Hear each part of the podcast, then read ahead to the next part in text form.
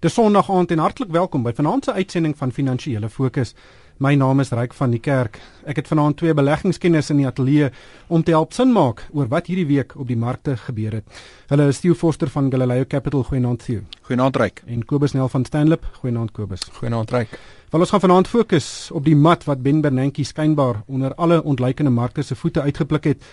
Ons gaan ook gesels oor die beter as verwagte inflasiesyfers en die tekort op die lopende rekening. En as ons tyd kry, sal ons kyk na die Eerste Nasionale Bank se planne om 'n selfoonnetwerk te begin. Matthew, kom ons begin sommer dadelik by Ben Bernanke. Hy het hierdie week aangekondig dat die vooruitsigte van die Amerikaanse ekonomie beter lyk en dat hy sy stimuluspakket aan die ekonomie kan inkort. Sien, verduidelik net vinnig, wat is die stimuluspakket en hoe werk dit? Ryk, ek dink daar's twee elemente daar. Is die een element 'n suiwer monetêre beleid en dis 'n beleid wat sy oorsprong gehad het na die Lehman Brothers krisis in September 2008 en teen Desember 2008 is Amerikaanse rentekoerse verlaag na kom ons sê tussen 0 en 'n kwart persent. Nou daai beleid bly in plek. Dis die een element, 'n suiwer die monetêre beleid wat bestuur word deur baie baie lae rentekoerse.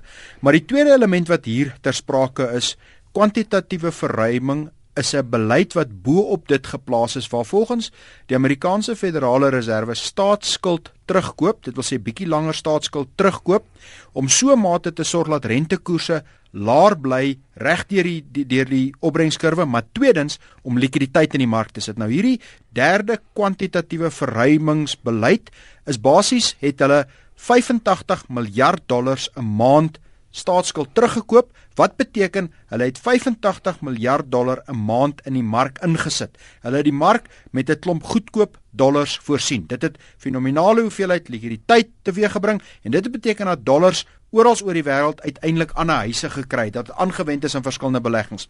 Nou wat Breem Bernanke hierdie week gesê het is hy het basies aangedui dat die onderliggende ekonomie is daar genoeg tekens dat die ekonomie op sy voete kom dat hulle hierdie kwantitatiewe verruiming, dit wil sê hierdie addisionele 85 miljard dollar wat maandeliks in die mark ingesit is, dat hulle dit gaan stadiger begin maak. Nou, die aanduiding is dat hierdie gaan hierso teen ok, September Oktober gaan dit net 65 miljard dollar 'n maand wees, maar dan tweedens het hy ook baie sterk aangedui dat hierdie beleid van om addisionele dollars in die mark in te druk, gaan hy eindig wanneer Amerikaanse werkloosheid onder 7% is.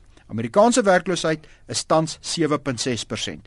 Dit wil sê hy het hierdie beleid gekoppel aan die onderliggende ekonomie. Dit wil sê wanneer Amerikaanse werkloosheid onder 7% kom, gaan hulle ophou met hierdie addisionele geld in die mark indruk. Nou, dit dit het veroorsaak dat sekere bateklasse baie aktief daarop gereageer het want die beginsel is dit wys vir jou ons begin hierdie ek wil amper sê hierdie buitengewone omgewing wat addisionele goedkoop geld in die mark ingesit is, begin na einde toe kom. Hoekom? Die onderliggende ekonomie beginne lyk vir die Federale Reserve of daar sterk tekens is dat ons herstel daar sien. Kobus vir my is dit amper dis 'n snaakse situasie. Hierdie is niks niets nie. Almal het geweet hierdie program gaan ingekort word, maar dit is asof mense kyk na 'n ketel en wag dat hy kook en dan skrik jy as hy skakelaar klik maak. Ja, ek ek dink as mens gaan terugkyk ook, jy weet rakende aankondigings wat deur Ben Bernanke gedoen is rakende die kwantitatiewe verruiming in die verlede was daar baie volatiliteit van van die markte om hierdie aankondigings. As te ware as aan elke woord wat hy sê, jy weet aan sy lippe hang. En ek dink mens moet dit net in perspektief sien. Jy weet dit is definitief 'n 'n aanduiding wat wat goed is vir vir langer termyn ekonomiese groei dat daar beter vooruitsigte gesien word.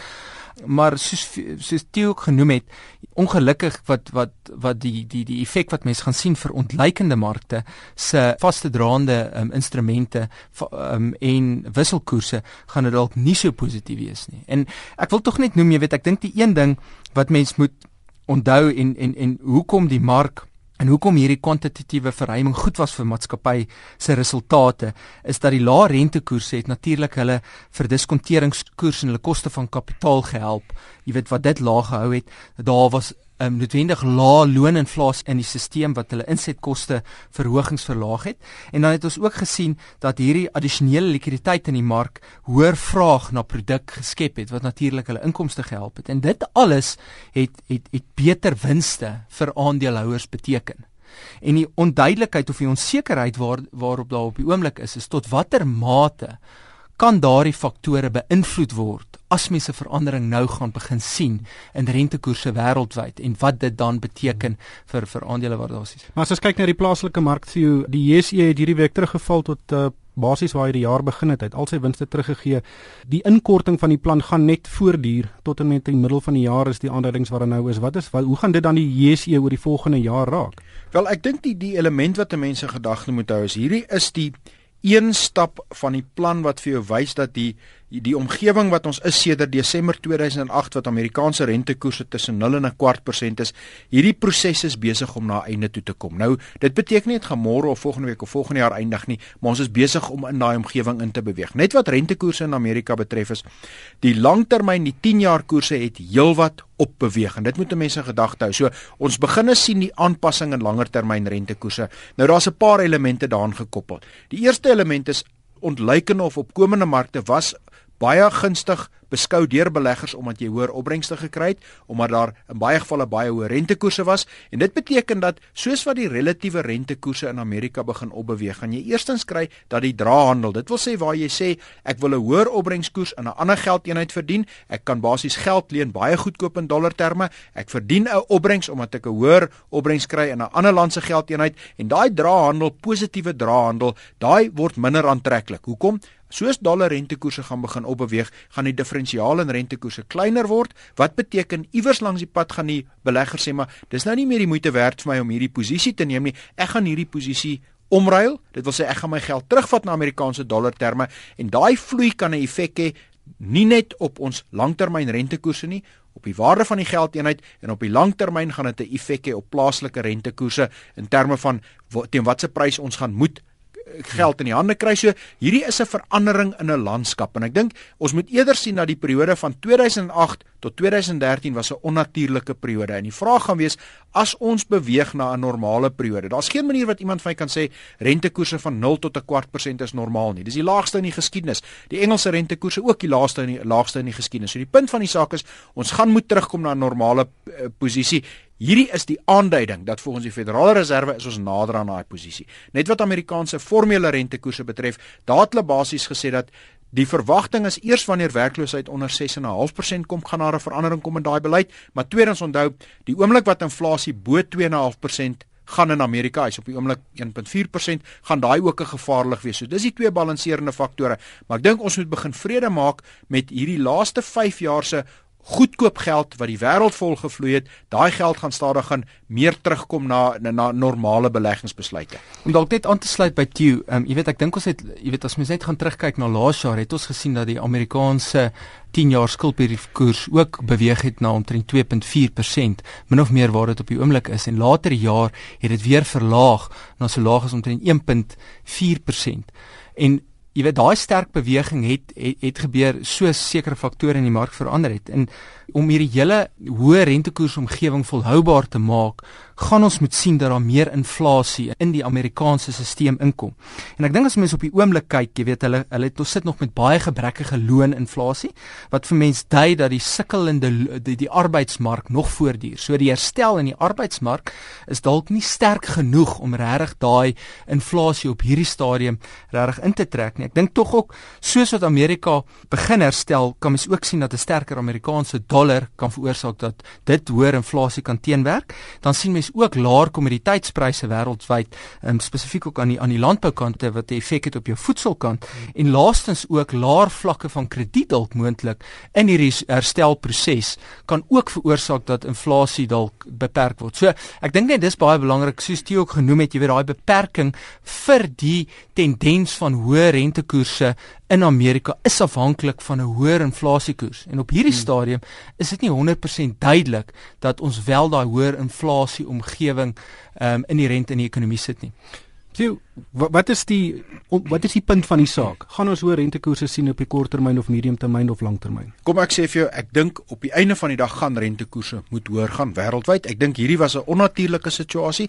Ek dink ons gaan eindig met inflasiedruk in die ekonomie, maar ek dink weer eens, dit gaan dit gaan net gebeur as daadwerklike onderliggende ekonomie van die man in die straat besig is om te verbeter. So ek dink ons moet hier 'n baie groot onderskeid tref tussen die reële ekonomie, dit wil sê die ekonomie waar ek en jy daagliks gaan werk, waar ek en jy salarisse verdien en waar ek en jy ons produkte probeer verkoop. Ons moet daai ekonomie onderskei van finansiële markte wat probeer weer vooruitskattinge maak en probeer opbrengste lees vooruit uit, probeer kontantvloei verdiskonteer terug.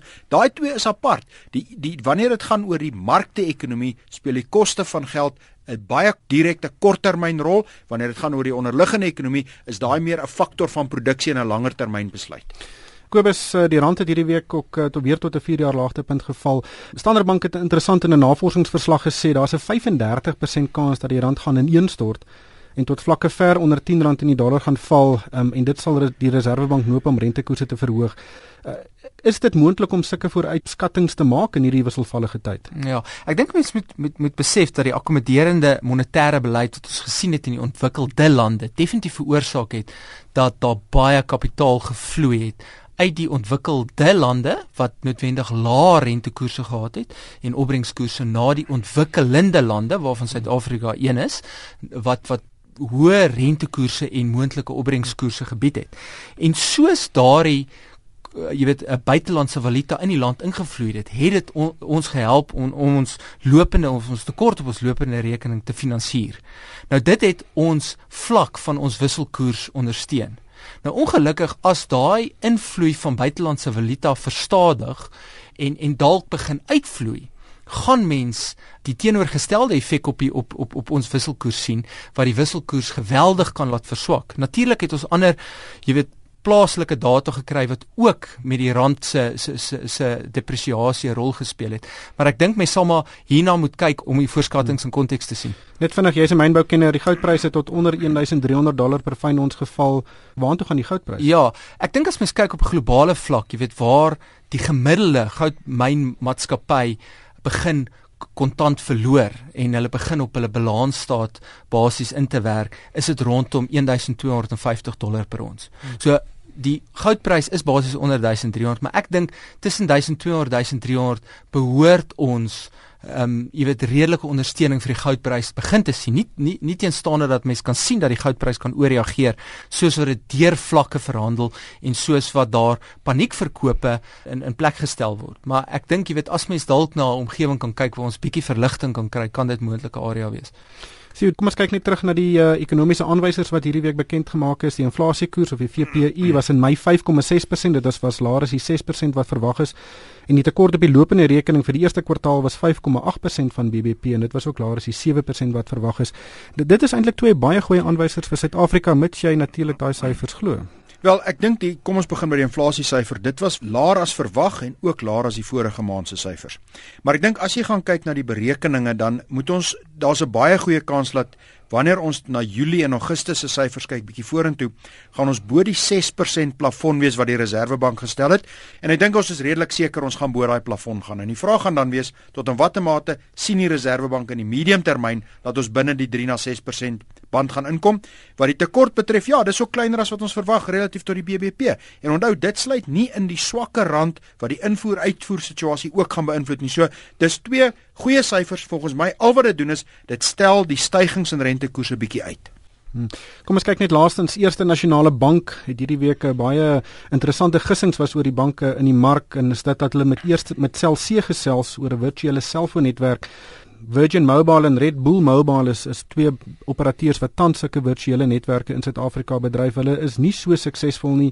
Kobus, wat dink jy daarvan dat 'n bank sy eie selfoonnetwerk wil bedryf? Dink jy dit ja, kan werk? Ja, ek dink mens moet in perspektief sien, jy weet die die belangrike rol wat die selfoonnetwerk in in in bankwese en veral vir Eerste Nasionale Bank gespeel het met hulle innoverende produkte en om bankwese makliker te maak.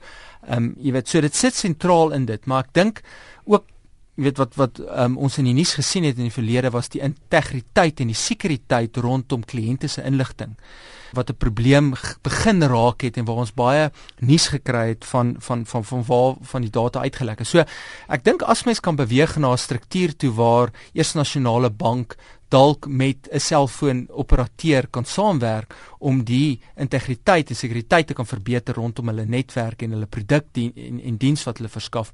Jy weet kan dit 'n positiewe wees. As ook, jy weet om jou om jou om jou besigheid verder te probeer groei in die elektroniese media wat baie meer relevant geraak het oor die laaste paar jare, is dit 'n stap in die regte rigting. Hmm. Maar ek sou ook sê, jy weet vir 'n bank om om sonder daai redes net in 'n selfoonbedryf in te gaan is kan dalk effens uh, bevraagteken word. Hmm. Wel, miskien is dit een van Michael Jordan se laaste planne om die marke bietjie te ontwrig. Ongelukkig het die tyd ons ingehaal. Baie dankie aan uh, Kobus Nel van Stanlip en aan Theo Forster van Galileo Capital en van my ryk van die kerk. Baie dankie vir die saamkuier.